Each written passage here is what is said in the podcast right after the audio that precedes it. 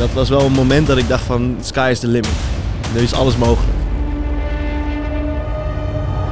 Op school liet ik wel eens demo's horen. Ja, dan werd er of om gelachen of mensen zeiden van, ja, ja, het zal wel. Ik kreeg een contractje binnen, gesigned. En ik denk dat ik maandenlang niks meer heb gehoord. En opeens zei iemand op die track staat op nummer 1 onder een andere naam. Ja. Onder een ander label.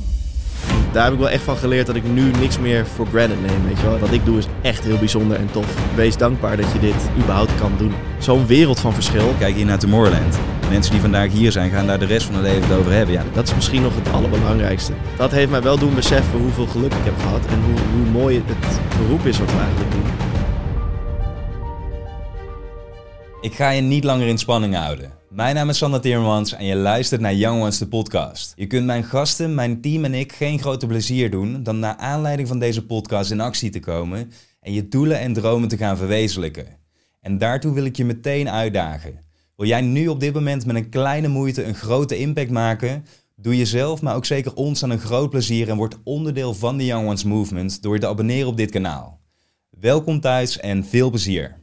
Hey Julian, van harte welkom bij Young Ones hier op Tomorrowland. Yes, dankjewel. Fantastisch dat je tijd hebt vrijgemaakt. Sowieso, altijd. Ik ga jou zo meteen 10 vragen stellen. En jouw antwoord op die 10 vragen, dat zou ervoor moeten gaan zorgen dat jonge mensen thuis met grote dromen, net zoals jij en ik, weer een stapje dichter in de buurt van die droom kunnen gaan komen.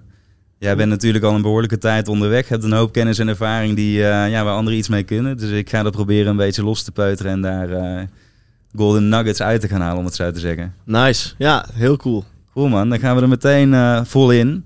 Wat is de moeilijkste beslissing die jij ooit hebt moeten maken in je carrière om te komen waar dat je nu staat? Ehm, moeilijkste beslissing.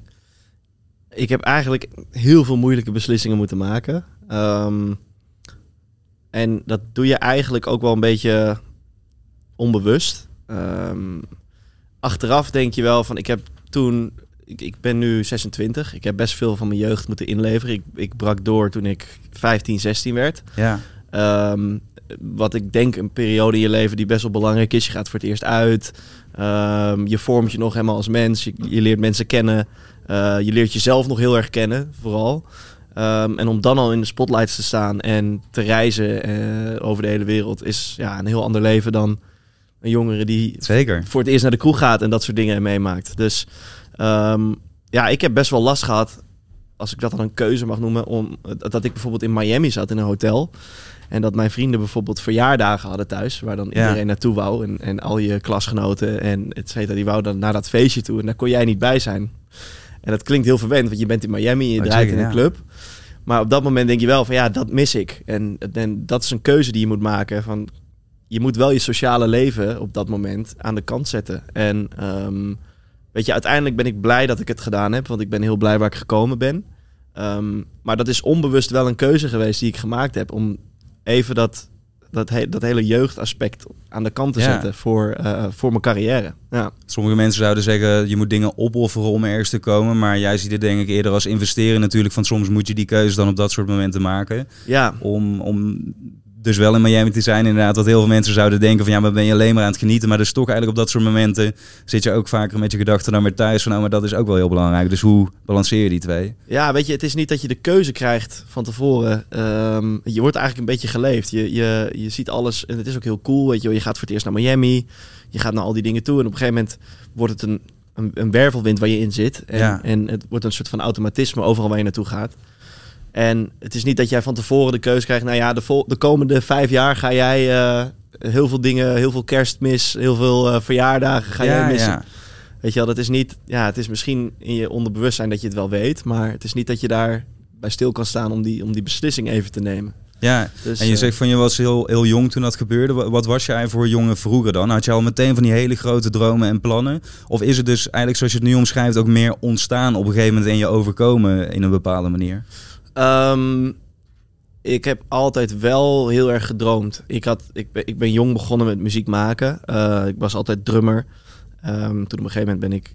In, door mijn vader, die gaf mij FL Studio, de software om muziek mee Ja, te maken. Ehm, en ja, dat vond ik zo cool. En, en op dat moment kwam ook Soundcloud op, de, de, waar je je muziek kon uploaden op het internet. Dus ja, ik, ik eh, gooide die muziek online. En dus ja, eigenlijk wist ik daarbij niet echt wat ik deed, wat het effect daarvan zou zijn. En ik weet nog heel goed dat ik een reactie kreeg van iemand uit Amerika. En dat was wel een moment van mij dat ik dacht van... oké, als iemand uit Amerika reageert op iets wat ik heb gemaakt hier in, in Apeldoorn in Nederland... Ja, man, ja. dan doe ik iets goed of zo. Dat was wel een moment dat ik dacht van... nou, eh, sky is the limit. En ook al was het maar één persoon, ik dacht wel van... let's go. Ja, precies. Dat vertrouwen groeit daardoor eigenlijk alleen maar. En dan krijg je die energie om dat eh, te gaan realiseren. Ja, en, en, en één persoon heeft dat eigenlijk gewoon voor mij een soort van... ja, dat, dat zelfvertrouwen gegeven. Dat ik dacht van... cool, weet je. Op, op school liet ik wel, wel eens demo's horen... Maar ja, dan werd er of om gelachen of mensen zeiden van ja, ja, het zal wel, weet je wel. Eh, ja, DJ, ja, ja, tuurlijk.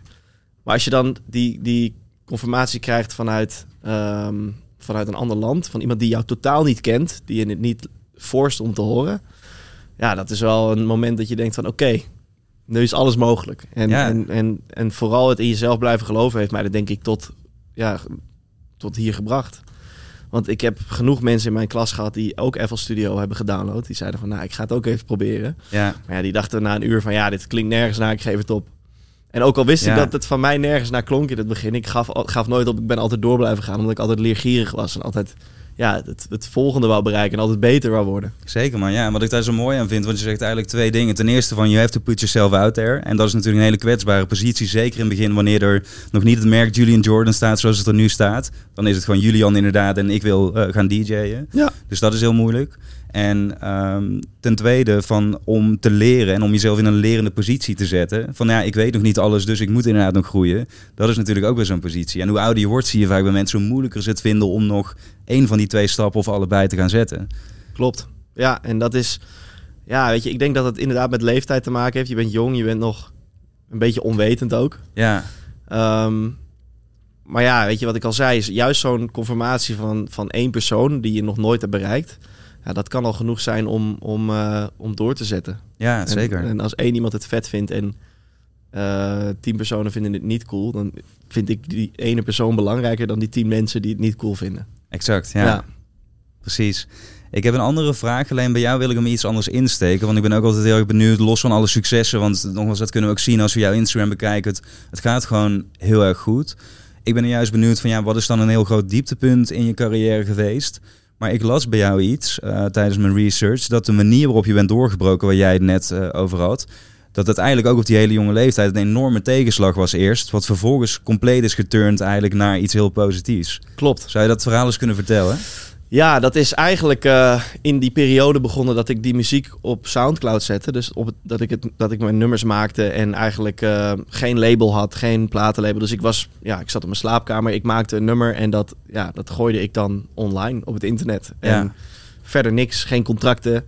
Ehm, en ja, dat, toen kwam dus onder andere die reactie van die gast uit Amerika. En steeds meer mensen begonnen mijn muziek te ontdekken. Ehm, en op een gegeven moment ging het een beetje lopen. En had ik wel een aantal honderden plays op een track. Wat ik toen al heel veel vond. Eh, toen kreeg ik op een gegeven moment een e-mail van een, ehm, een, ehm, een record label genaamd eh, Spin-In Records. Dat was in die tijd ja, gewoon de, Zeker, gro- ja. de grootste op dancegebied. Ehm het was eigenlijk gewoon alsof je als, als, als jongetje die eh, voetbalt van Ajax een, eh, een, eh, een berichtje krijgt van nou, we hebben wel interesse. Ja, Dus ja, zo voelde het voor mij exact. Dus ik dacht van, nou, weet je, mijn gebeden zijn verhoord. Ik, dit, dit, of gehoord. Ik heb, ik heb eindelijk iets, iets goeds gedaan. Een label heeft interesse. Want ik heb altijd naar demo, demo's, naar, naar labels ge-mailed. Geen reactie, niks. Maar goed, ik ehm, kreeg een e-mail. We hebben interesse in je track. Track die online stond. Ja. En ik kreeg een contractje binnen. Alles was helemaal eh, legit. Ik heb het nog laten nakijken. Het klopte allemaal. Ehm gesigned. En ik denk dat ik maandenlang niks meer heb gehoord. Eh, en ik was des, eh, destijds was ik lid van een forum op het internet waar iedereen met zijn producersvragen eh, ja, ja. kon, wat kon posten. En opeens zei iemand op dat forum van... Hey Julian, je, tra- je track staat op nummer 1 van Beatport. eh, in de Beatport Top 100. Eh, Het grootste platform destijds toch voor, voor eh, muziek? Of hoe, ja, het was destijds ja. gewoon eigenlijk de iTunes Store. Of de... Ja, iTunes is ook alweer een beetje... Het is nu Beatport. Of Spotify Ja, natuurlijk. precies, ja. Maar ja, het, het, het is zeg maar alsof je op Spotify in de, op de nummer 1 staat van de dance charts. En het was onder een andere naam, Ja, onder een ander label. En ehm, basically wat er dus was gebeurd is dat iemand de e-mail van Spin-In Records, de officiële e-mail, gejat had. Of gehackt had, sorry. Nee, ja. Een contract had nagemaakt wat helemaal legit leek. En ja, dat gewoon heeft doorgestuurd naar mij. En, en, en zo aan mijn track is gekomen. Ehm, dus ja, ik heb dat op het forum gelijk eh, laten weten. Ja, dit is mijn track. En ehm, ja, daar kreeg Nederlandse media kreeg daar, eh, kreeg daar, eh, die, kreeg dat, die kreeg daar lucht van. En die hebben daar eigenlijk een heel artikel over geschreven, dat, het- dat wat mij was overkomen.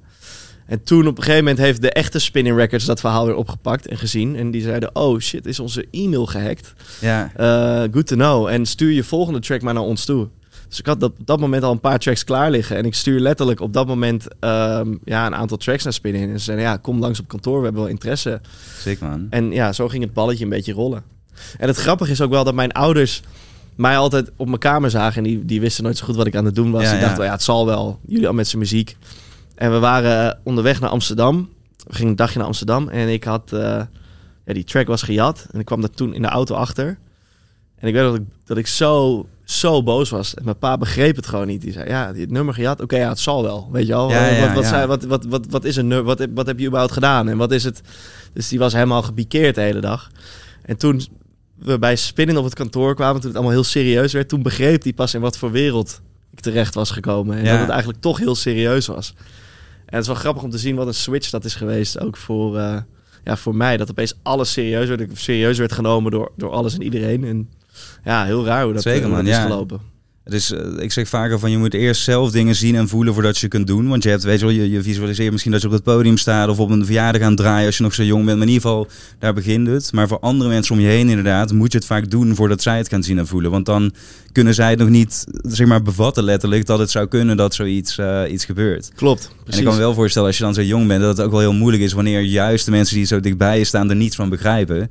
Eh, en ik kan me voorstellen die jaren daarna dat je het ook nog vaak hebt gehoord van ja, dan sta je dan een beetje te springen achter die, die draaitafels of wat doe je dan de hele tijd? Ja, dat hoor je nog maar steeds. eh, ja, precies. Dat als je gaat kijken naar die achterkant, dat jullie gewoon echt ondernemers zijn die merken bouwen, die heel miljoenen mensen blij maken. Dat is eigenlijk natuurlijk denk ik van elke ondernemer of iedereen die iets wilt, van je wilt andere mensen hun leven daarmee beïnvloeden. Kijk hier naar Tomorrowland. Mensen die vandaag hier zijn, gaan daar de rest van hun leven het over hebben. Ja, dat is toch sick? Dat is wat je wil neerzetten, absoluut. Ja, Ja. zeker. Ja, weet je, het is, het is, eh, het is ook niet te, te verwijten aan eh, mijn pa bijvoorbeeld of mijn ouders dat ze dat niet ja. begrepen. Kijk, ik, als ik heel goed kon voetballen of zo, dan kan je het zien. Iemand is heel goed, er is interesse. Oké, hij heeft heel veel talent. Maar ja, je, je weet niet per se wat een producer is. In, in die tijd al helemaal niet. Wat is een DJ-producer? Er waren maar een paar...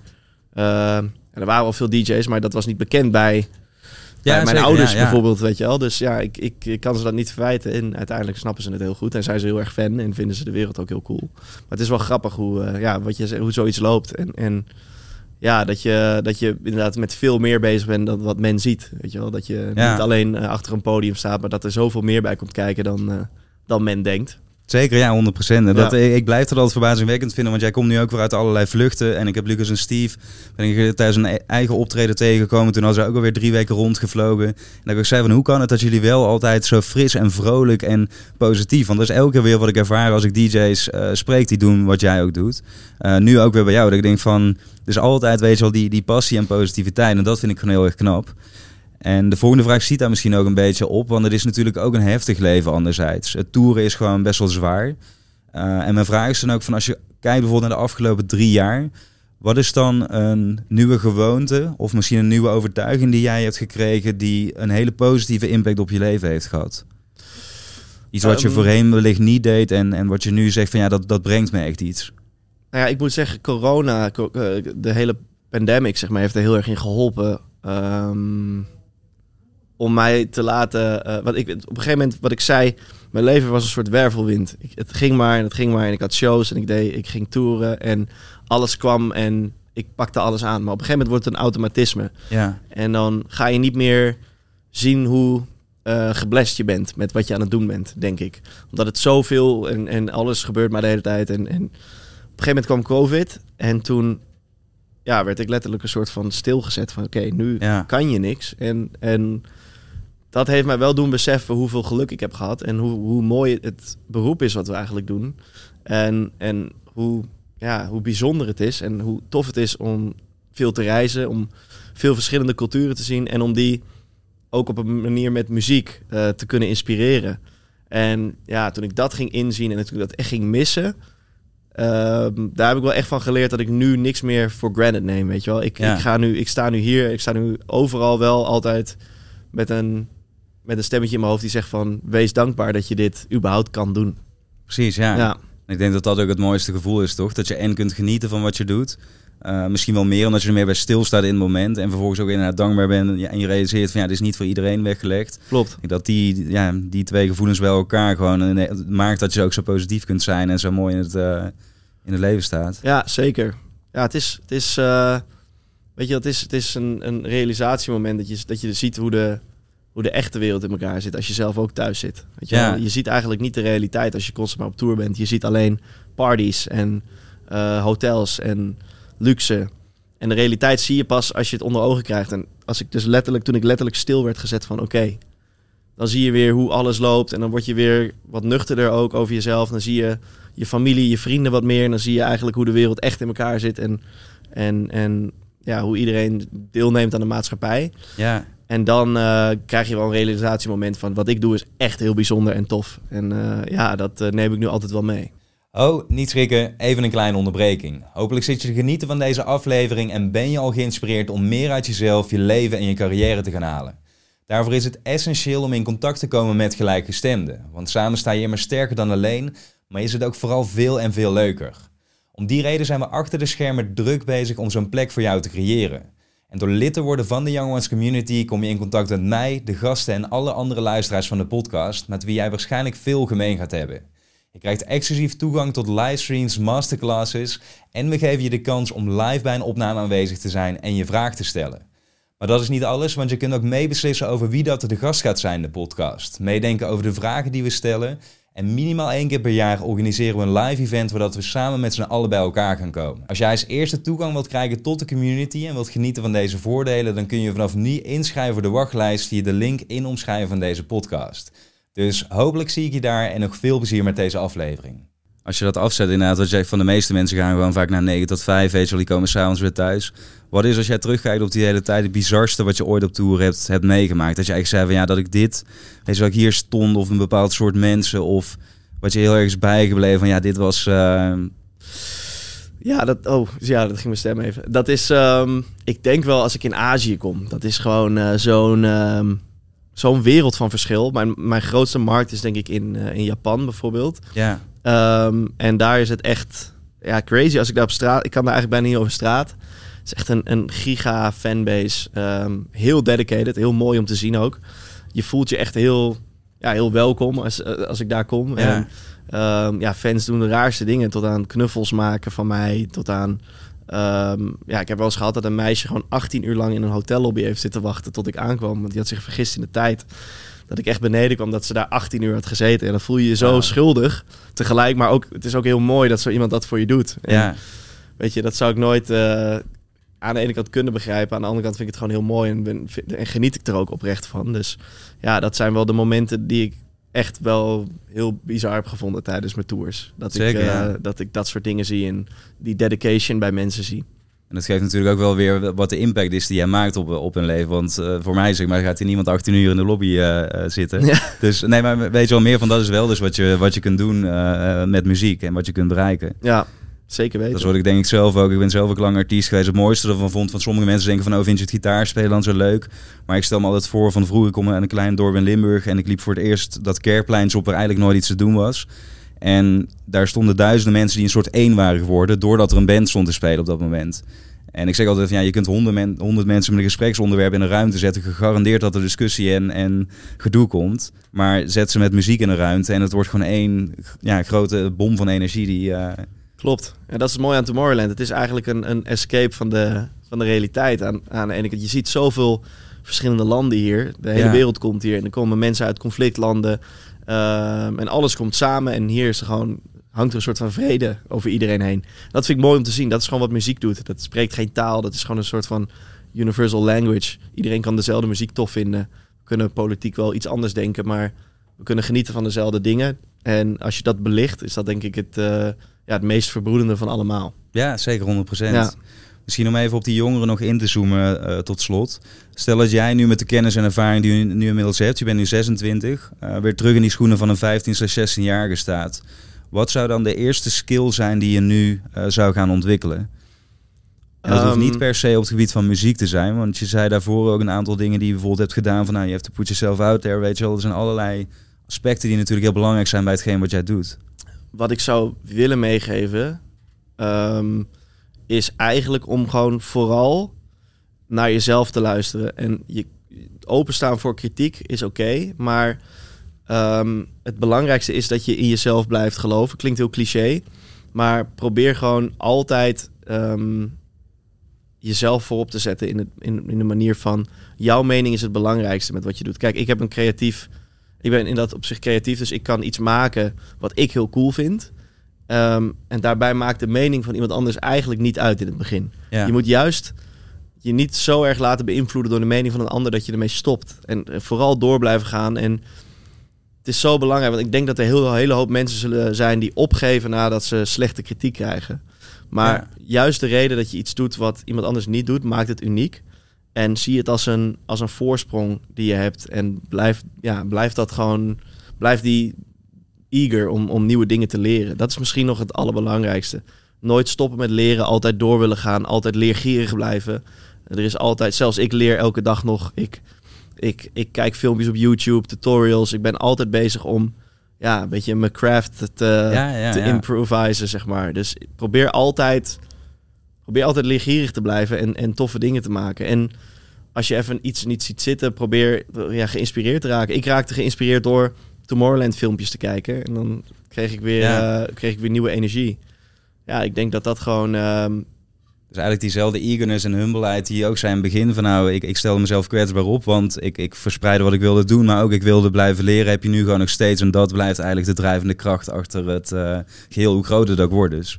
Absoluut. Ja. En, en probeer gewoon de goede mensen om je heen te vinden altijd. Dat is ook een, een tip. Ik bedoel, je kan ook een hele, hele grote remmende factor hebben om je heen, wa- waardoor je, waardoor je zal stoppen. En dat is misschien die kritiek die je zou kunnen krijgen.